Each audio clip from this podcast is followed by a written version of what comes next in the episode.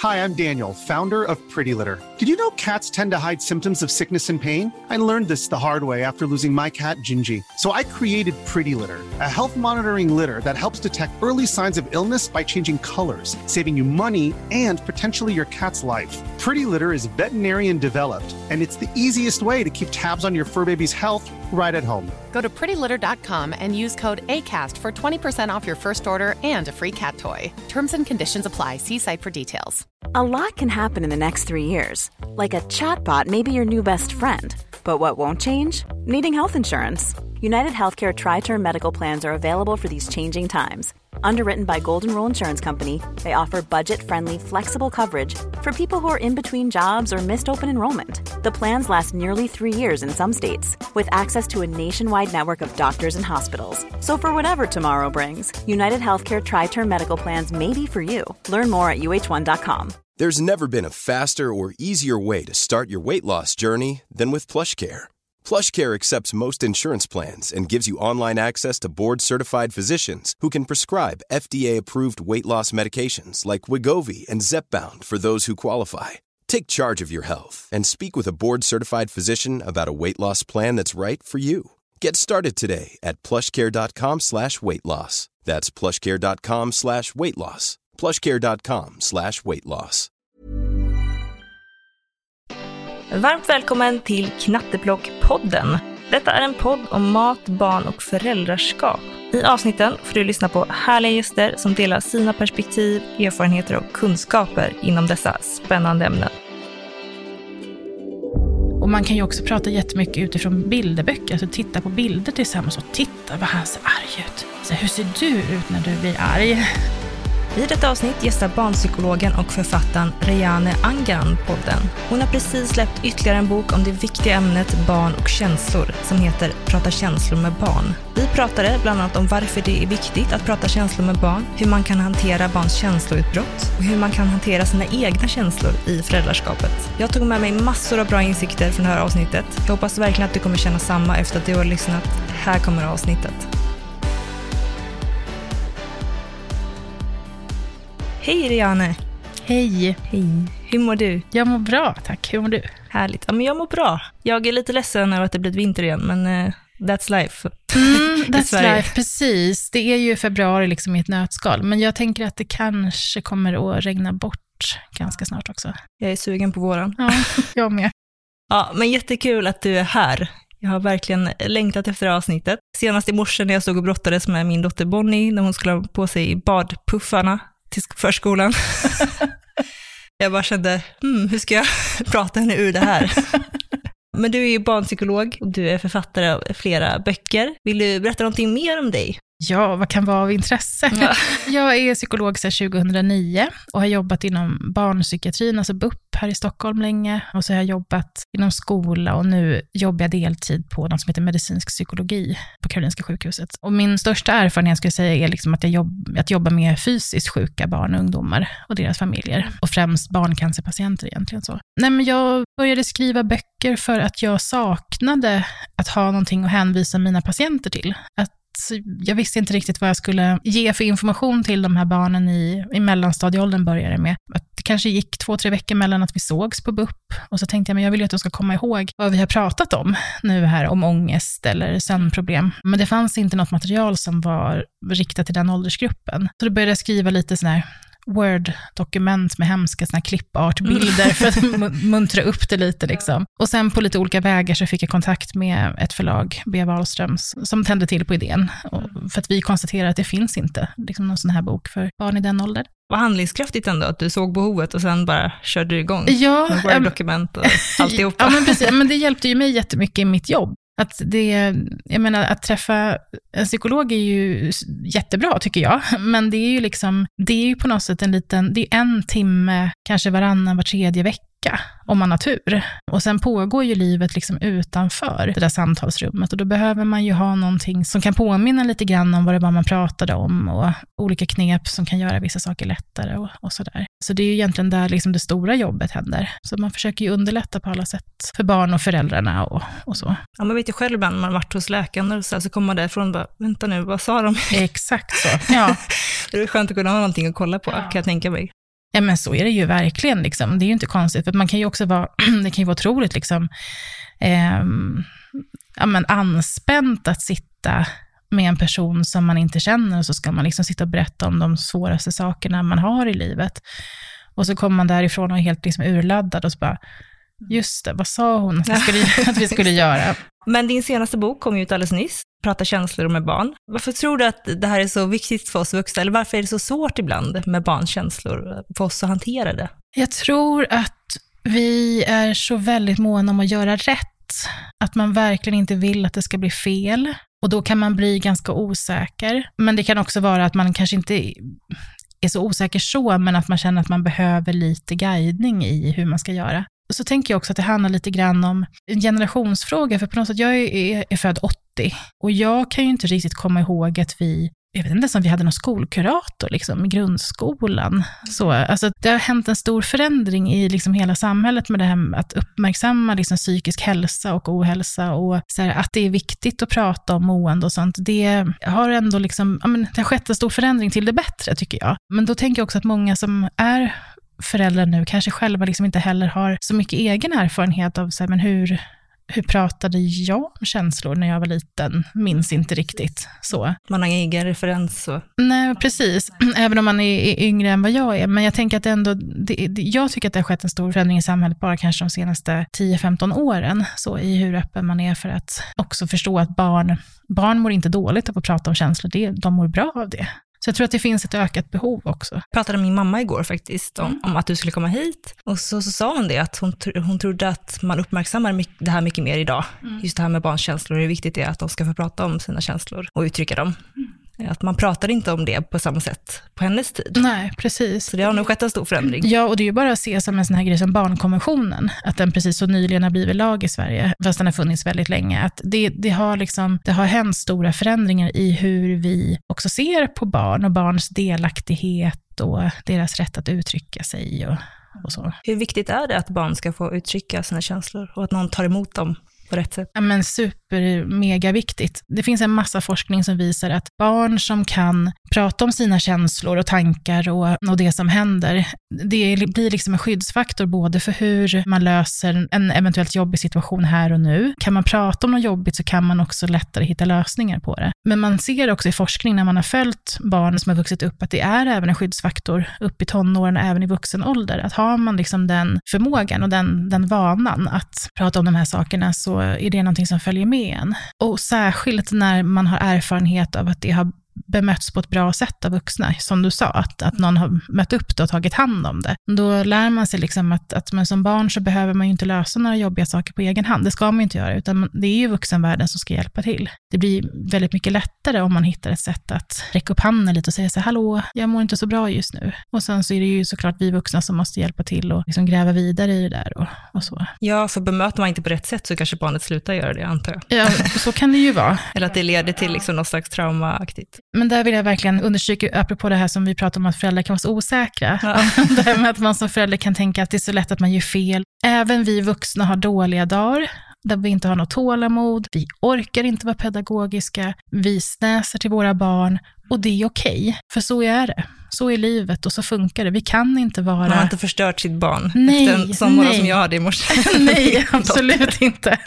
För att, liksom att traumatisera ett barn så ska det ju till så otroligt mycket mer under en lång tid. Och då handlar det ju om liksom en försummelse som är på en helt annan nivå. Så att jag vill verkligen liksom lyfta det också, att, att, som förälder vara lite snäll mot sig själv och inte tänka att att det går att göra saker perfekt, för att det skulle vara, jag skulle bli väldigt skeptisk. Som barnpsykolog om jag träffade en familj där föräldrarna sa så här, nej, nej men jag har nog aldrig snäst åt mig på nej, och barnen sitter där och tänker nej, jag har nog, mamma har nog aldrig varit irriterad på mig. Då skulle jag bli jätteskeptisk och undra, vad, är, här. Ja, vad är det som pågår liksom? För det hör till livet. Det är väl också en del i att uttrycka känslor, tänker jag, att man också så här, man kan bli arg i stundens hetta och mm. sådär, men det viktigaste kanske är att man då pratar om det efteråt också, Exakt. tänker jag som förälder, att man också förklarar, nu blir mamma arg för det här, det här. Precis. Och att man liksom inte är, man är inte perfekt.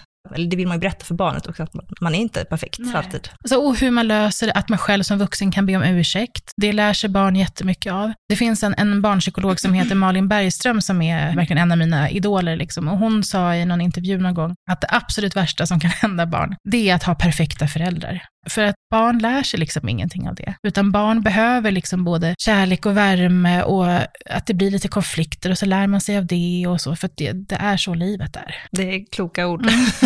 man måste ju lära barnets, eller barnen livets resa på något sätt. Ja, precis.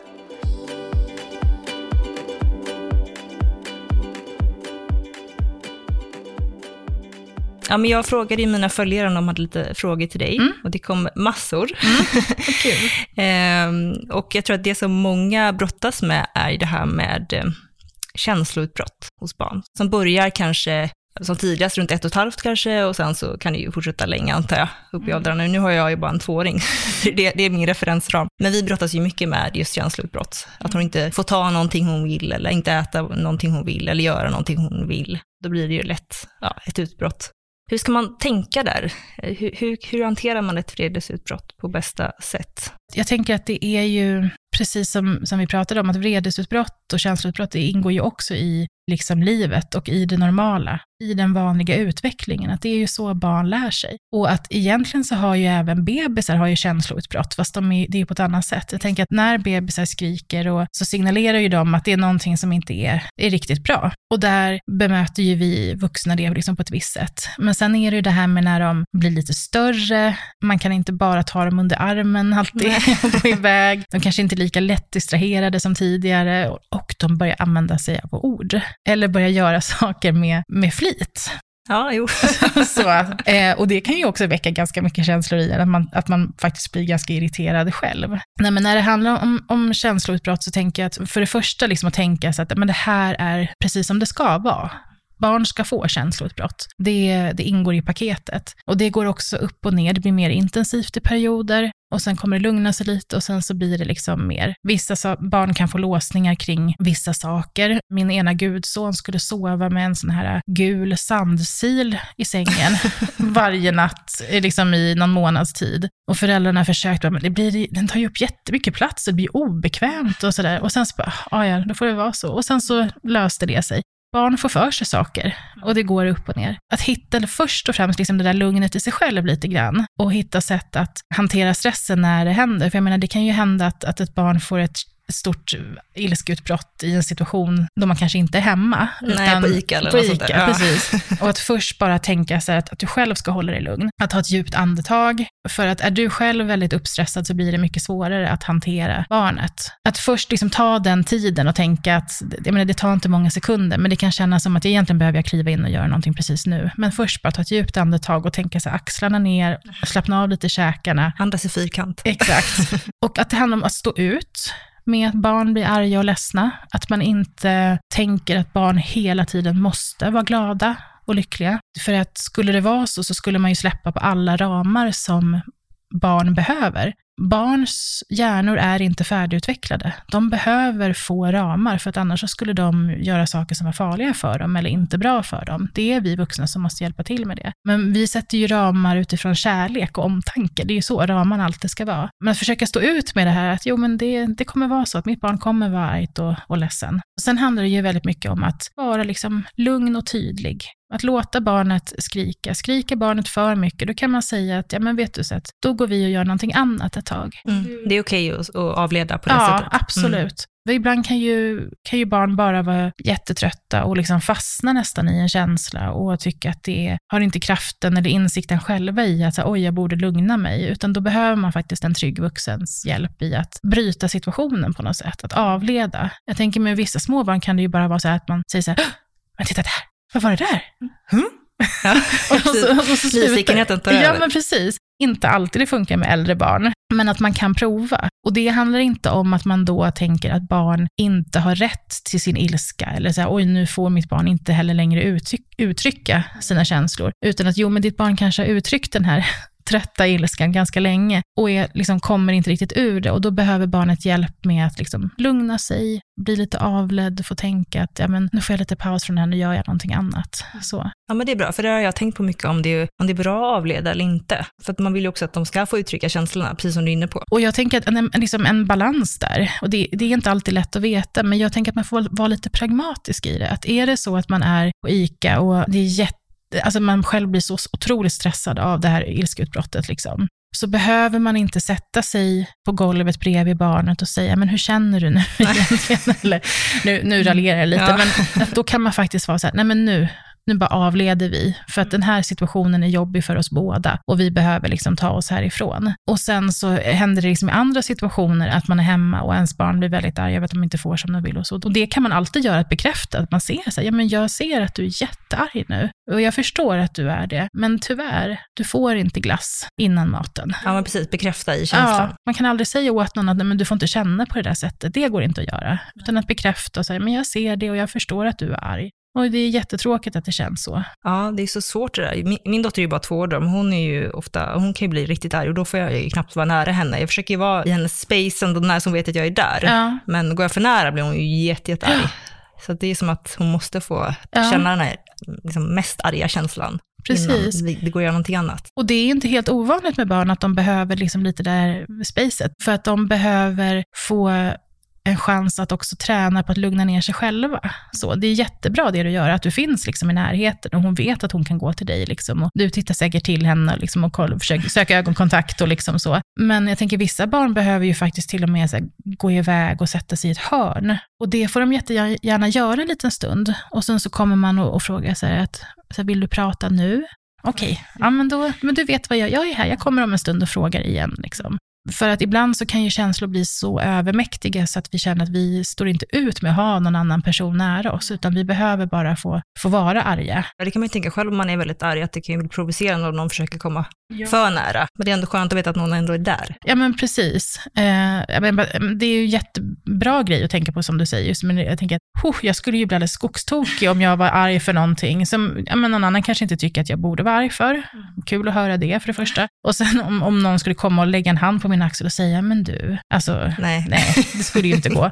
och jag tänker att man kan faktiskt tänka så lite med barn också. Men såklart att man behöver ju liksom följa upp med barnet på ett annat sätt och visa att man är med och stör lite mer. Sådär att, men här är jag.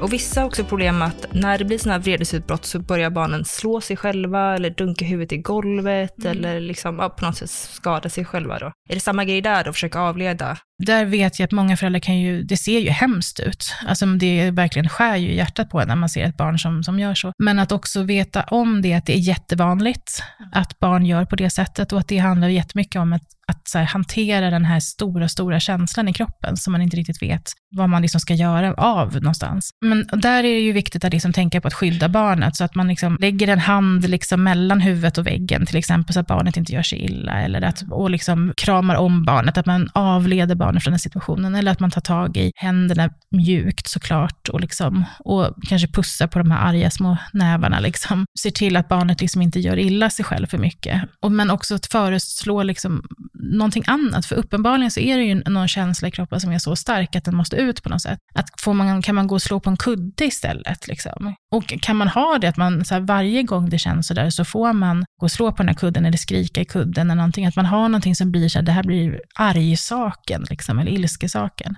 Men det kräver att barnen är lite, lite äldre och kan, kan tänka lite mer. Jag tänker att när det är såna riktiga små, så de kommer ju inte ihåg att de har gjort så tidigare, eller, utan där måste ju vi vuxna liksom kliva in och bara väldigt så här, men, avleda, hjälpa dem att bryta liksom, situationen så, på något sätt. Men att inte bli för rädd när ens barn gör så, för att det är jättevanligt. Men det är ju bra att ta med sig ändå, för det kan ju som du säger se väldigt obehagligt ut. Och det brukar ändras med tiden. Och skulle det vara så att man tänker att ens barn faktiskt har mer någon typ av självskadebeteende, att barnet kan göra så även i situationer när man inte riktigt förstår, alltså har barnet ens blivit argt, eller liksom när det blir väldigt mycket av det, eller barnet faktiskt gör sig illa ordentligt, eller vad det nu kan vara, då kanske man ska prata med någon på BVC till exempel. Men i de allra flesta fallen så är det någonting som är övergående. Men jag tänkte lite på det här med ramarna som du pratade om, och den här gula sandsilen i sängen. ja.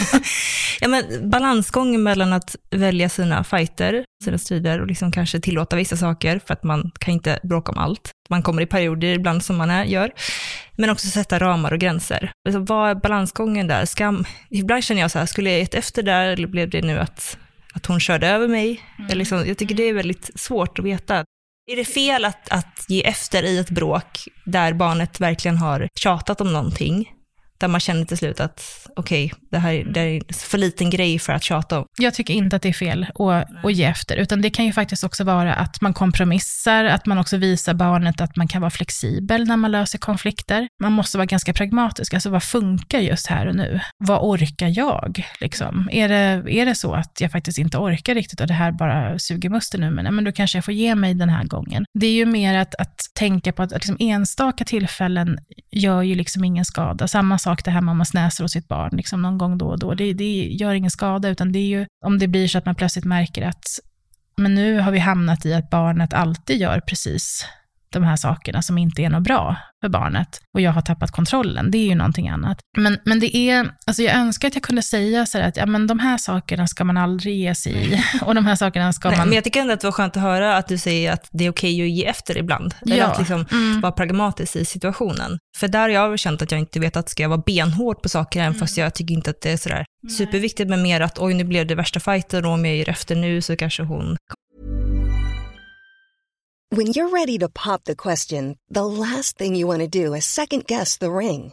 At BlueNile.com you can design a one-of-a-kind ring with the ease and convenience of shopping online. Choose your diamond and setting. When you find the one, you'll get it delivered right to your door. Go to Bluenile.com and use promo code LISTEN to get $50 off your purchase of $500 or more. That's code LISTEN at Bluenile.com for $50 off your purchase. Bluenile.com code LISTEN. Many of us have those stubborn pounds that seem impossible to lose, no matter how good we eat or how hard we work out. My solution is PlushCare. PlushCare is a leading telehealth provider with doctors who are there for you day and night to partner with you in your weight loss journey. They can prescribe FDA-approved weight loss medications like Wagovi and Zepbound for those who qualify. Plus, they accept most insurance plans. To get started, visit plushcare.com slash weight loss. That's plushcare.com slash weight loss. Hon fightar lika länge nästa gång för att ja. hon tror att det är den vägen ja. hon ska gå. Och om det blir så, det blir ju också liksom att, att testa och utforska tillsammans lite grann. Mm. Att du också kommer se det nästa gång, att ja men, aha, okej, okay. ja, men då, nej, men då vet jag, då måste jag vara lite, hålla på ramarna lite mer i det här, liksom, för att det, det här blev inte så bra. Men då är det ett lärotillfälle också, att man, för jag tänker att, att Bonnie är ju Bonnie, hon är liksom sin lilla person. Alla barn är i sina små personer och att man vet inte riktigt alltid hur saker landar hos dem och så. Men jag tänker att saker som är till skada för barnet på något sätt ska man ju såklart alltid hålla hårt på. När det också kan dra in många andra, som till exempel att, att det blir så att hela familjen påverkas av det som barnet vill, eller stora syskon som måste ge efter igen för sitt skrikande småsyskon och så det blir inte heller så bra.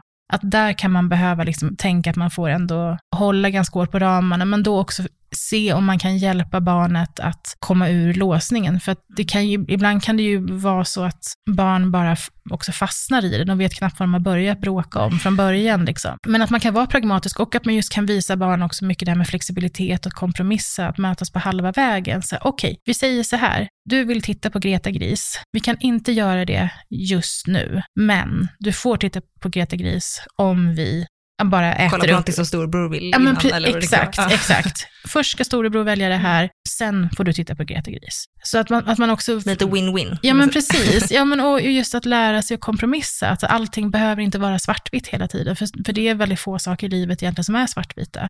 Och sen så, mm, ibland kan man ju märka att vissa barn kanske har ett, ett liksom, just ett väldigt liksom, tjatigt beteende, särskilt när de blir lite äldre också, när de förstår mer, att de vet att mamma är trött då, och då kan man få sin vilja igenom om man bara frågar tillräckligt många gånger. Och då behöver man ju liksom mer prata om det. Också att lyfta upp det liksom lite till en annan nivå. Men det, det handlar ju om lite, lite äldre barn. Men att man ändå säger så här, men nu tjatar du och det blir inget roligt varken för dig eller för mig. Så, så det måste vi liksom hitta ett annat sätt då. Man kan inte tjata sig till saker, så hur kan vi göra? Att benämna det som faktiskt händer också. Med yngre barn så behöver man där kan man ju inte lyfta upp det till någon metanivå, utan där får man ju bara vara liksom väldigt så hands-on och konkret och här och nu. Ja, men det är bra att veta, man får anpassa det lite efter barnets ålder och I, precis, ja, resonera ja. lite mer med äldre barn. Ja.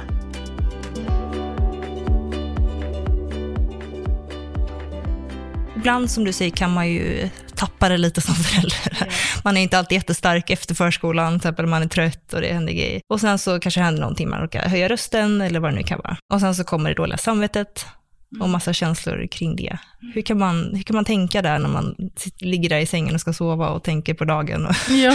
har dåligt samvete? Nej, men jag tänker så här, för det första, men vad, vad bra att man har lite dåligt samvete också. alltså det, Ja, nej, men det, att det är ju också så här, men då reflekterar man ju själv över sina handlingar och det man gör och, och har ju då också möjlighet att tänka till att var det där någonting att ha dåligt samvete för, eller alltså, gjorde jag kanske någonting som inte blev så himla bra?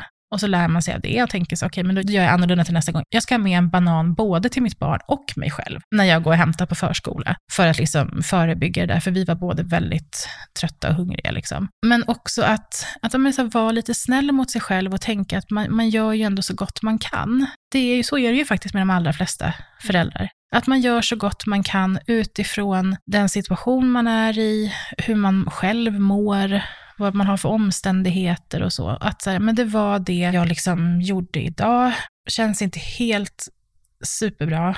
Därför måste jag kanske tänka lite annorlunda till nästa gång. Och vad kan jag liksom göra då? Men att också tänka att det är inget bra för barn att växa upp med perfekta föräldrar. För tänk vilken måttstock. Man kommer ju känna sig misslyckad själv hela livet. Liksom. Om man Det är en skulle- tröstande tanke. Ja.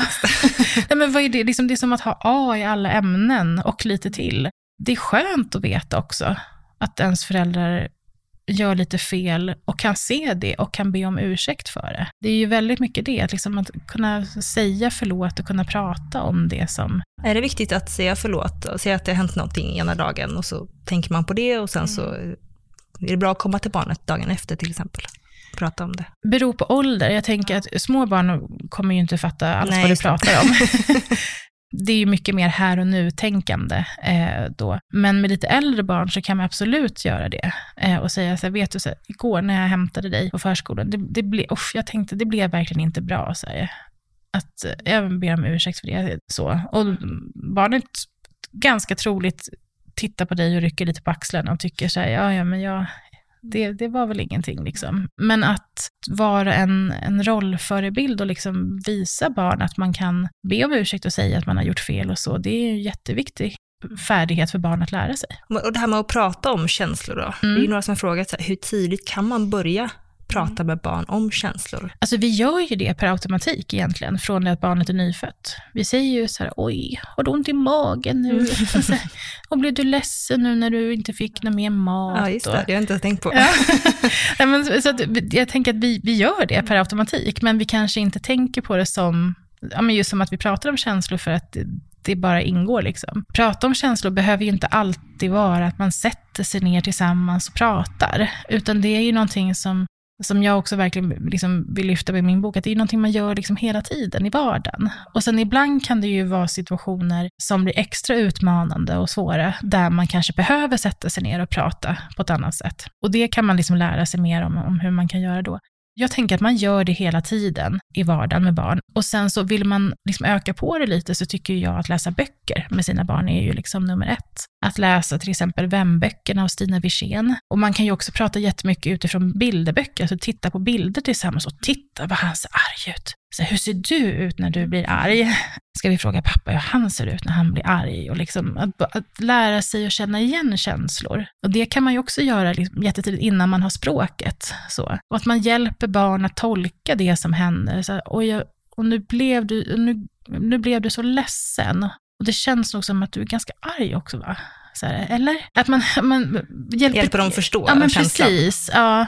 Eller att barn som eh, kanske säger att de har jätteont i magen och så vet man att de är nog ganska nervösa för någonting. Att man säger också så här, men jag förstår att du har ont i magen, för det är ganska vanligt att man får ont när man tycker att något känns lite jobbigt och pirrigt och sådär. Och, och så. Att hjälpa till att tolka, och sen får man ju alltid vara lite ödmjuk inför att man kanske tolkar fel också, men att ge förslag. Men att läsa böcker och titta i böcker tillsammans. Och faktiskt samma sak när det gäller ja, så barnanpassade tv-program och sånt. Det finns ju otroligt mycket bra.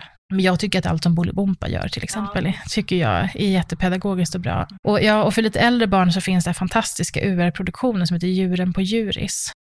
Den är helt, helt underbar. Jag ska Ja. skicka dig lite klipp Ja, sen. får jag kolla på. Ja, men där man diskuterar så vanliga situationer på förskola och sånt där. Och det är med väldigt mycket humor och värme och sånt. Och att man också kan se sånt tillsammans och sen prata lite om det och så fråga sig, men har du varit med om något sånt där någon gång? Och med yngre barn så kan det ju också vara så att, ja men, ja, men just att sätta ord på det, att jag ser att du är arg nu. Att man får vara det också. Jag försöker göra det med min dotter, men jag tycker det också det, det är svårt. Men jag tror att det kommer bli lättare nu när hon liksom förstår lite mer. Men just det här att hjälpa till att uttrycka, tror jag är eh, nyckel, i alla fall i hennes ålder.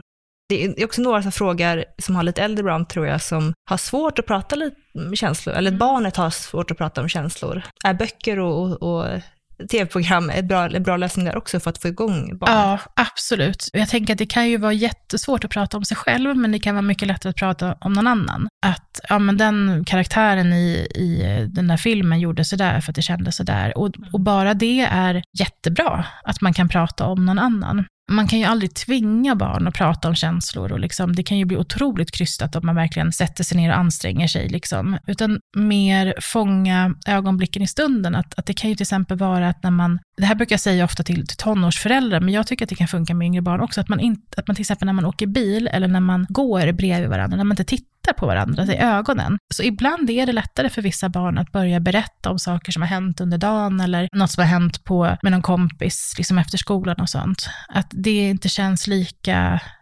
jobbigt och laddat när man liksom sitter uppstyrt i en situation, så här, öga mot öga. använder jag mig också av när jag, alltså i mitt jobb som, som psykolog, att jag ofta kan sätta mig bredvid barn och så sitter vi och ritar på någonting eller liksom fixar med någonting, så att de slipper titta på mig.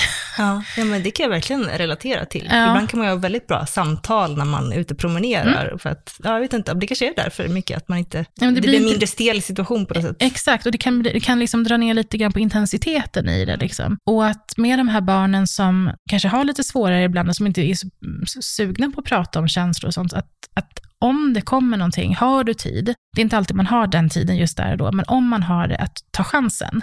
Men följa barnets rytm och inte bli liksom överexalterad och tänka äntligen, hurra, nu pratar han äntligen om det här. Och så börjar man peppra med frågor, för då kommer barnet ganska snabbt att sluta sig. Utan att man mer här, ser till att man, man hade kanske tänkt att vika tvätt, men, ja, ja, men jag väntar med det nu, för att nu har vi ändå liksom kommit igång med det här. Och så följa med barnets rytm och det kan man kanske få lite information.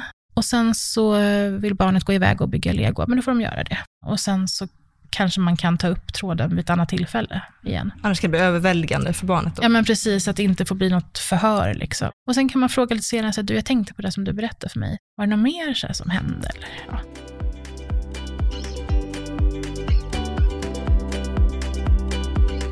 Och det också kanske beror lite på ålder på barnet, hur mycket man själv ska dela av sina egna känslor. Man vill ju också vara förebild där. Att barn ska se att det är okej att dela känslor, men samtidigt vill man ju inte lassa över massa grejer på barnet. Alltså det är också en fine line, kan jag tänka mig. Hur, hur ska man tänka där? Där brukar jag tänka att man får ju aldrig liksom oroa ett barn, eller få ett barn att tro att det är barnet som måste liksom hjälpa den vuxna i den här situationen. Om man är arg eller ledsen så att barnet ser, så ska man inte försöka dölja det.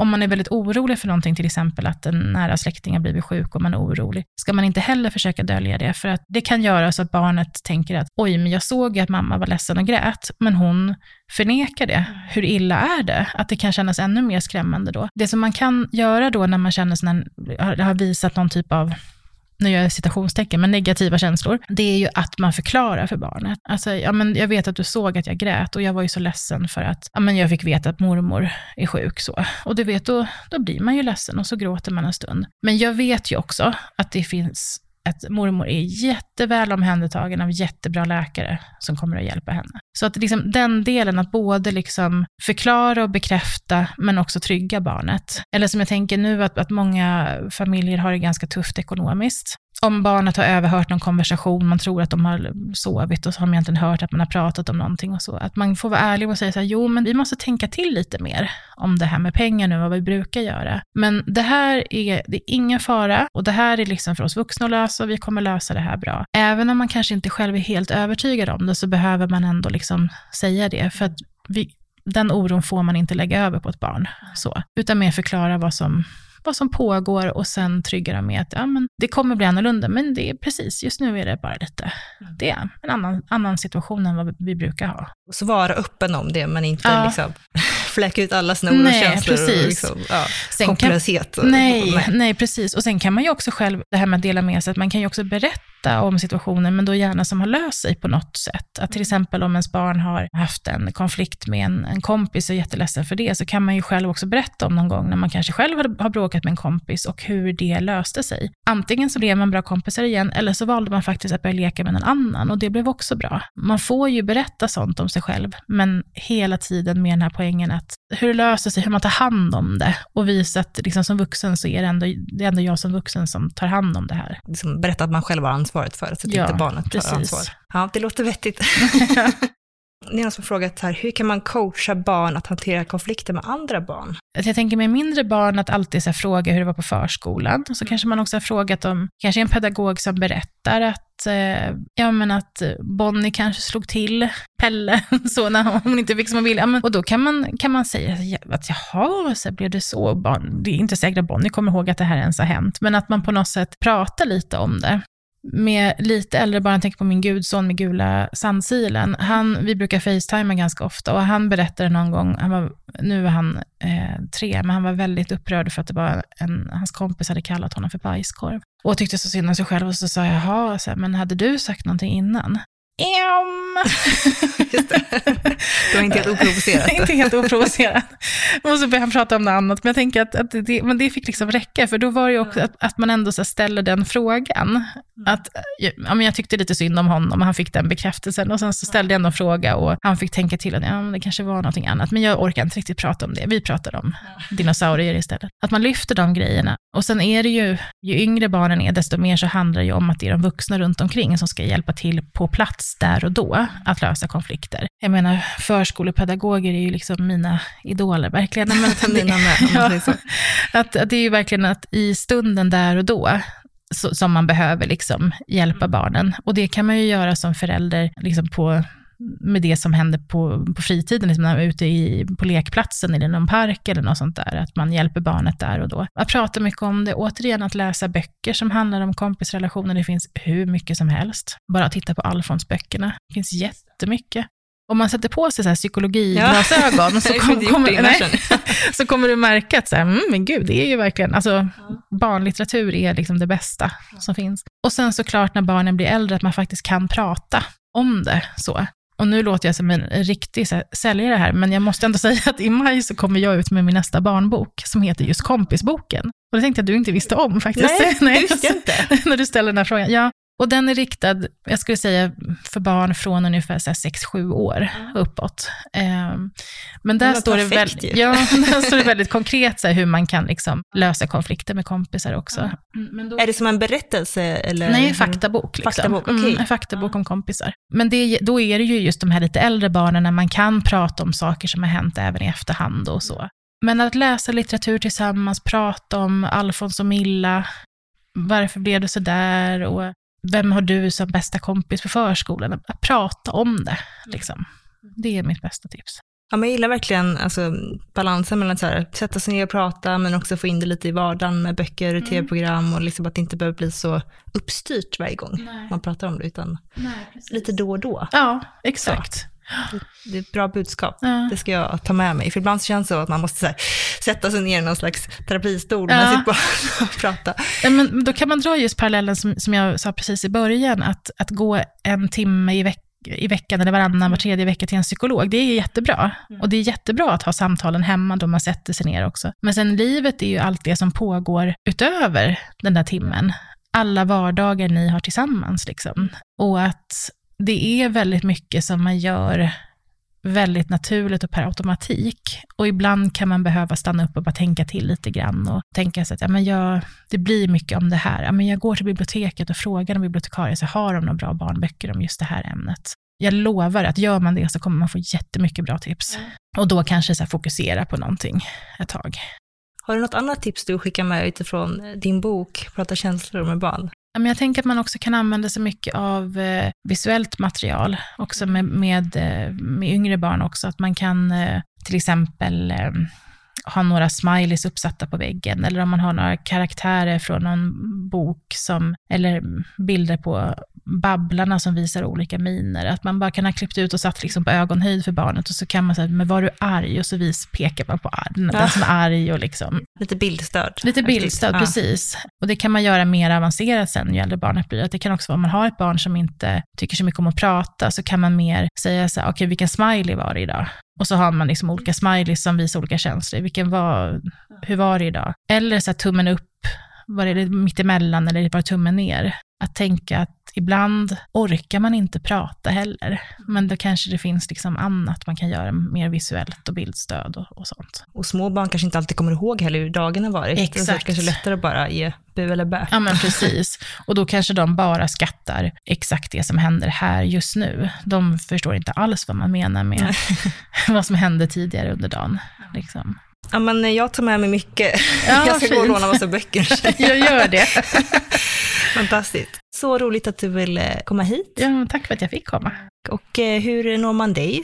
Om man vill det? Ja, jag har ett eh, Instagramkonto som heter psykologi för barn, eller psykologi för barn. Där uppdaterar jag mig, försöker lägga upp mycket tips, både på just böcker och litteratur, men även andra saker som kan komma barn till gagn. Och sen har jag en hemsida som eh, arejhanne.se, där det finns ett kontaktformulär och så. Jag kan bara säga att jag tar inte emot några privata patienter, jag har ingen privat mottagning eller så. Men om man har liksom några frågor eller eh, om några tips på litteratur eller vad det nu kan vara, så får man jättegärna höra av sig om det. Ja, men det känns tryggt. Ja. ja, ja, men stort tack till er som lyssnat. Vi hörs snart igen. Hej!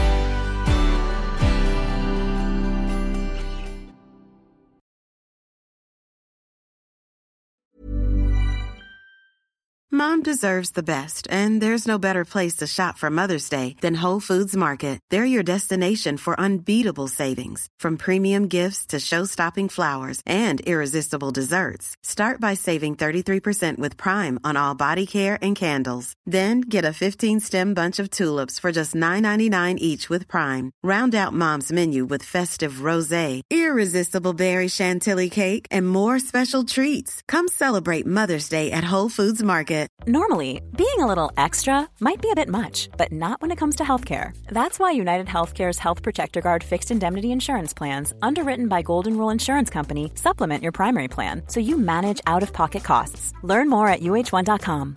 Flexibility is great. That's why there's yoga. Flexibility for your insurance coverage is great too. That's why there's United Healthcare Insurance Plans.